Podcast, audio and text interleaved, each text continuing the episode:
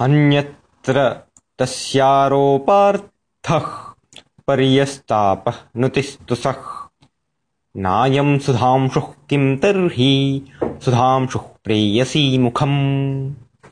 अन्यत्र तस्य आरोपार्थः पर्यस्तापहनुतिः सः इति लक्षणम्। यथा प्रस्तुते उदाहरणे चन्द्रं दृष्ट्वा एषः सुधांशुः नास्ति न चन्द्रः एषः। सुधांशुस्तु चन्द्रस्तु प्रेयसि मुखं भवति।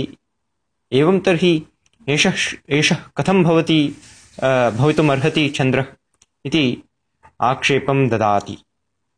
आक्षेपं प्रस्तौति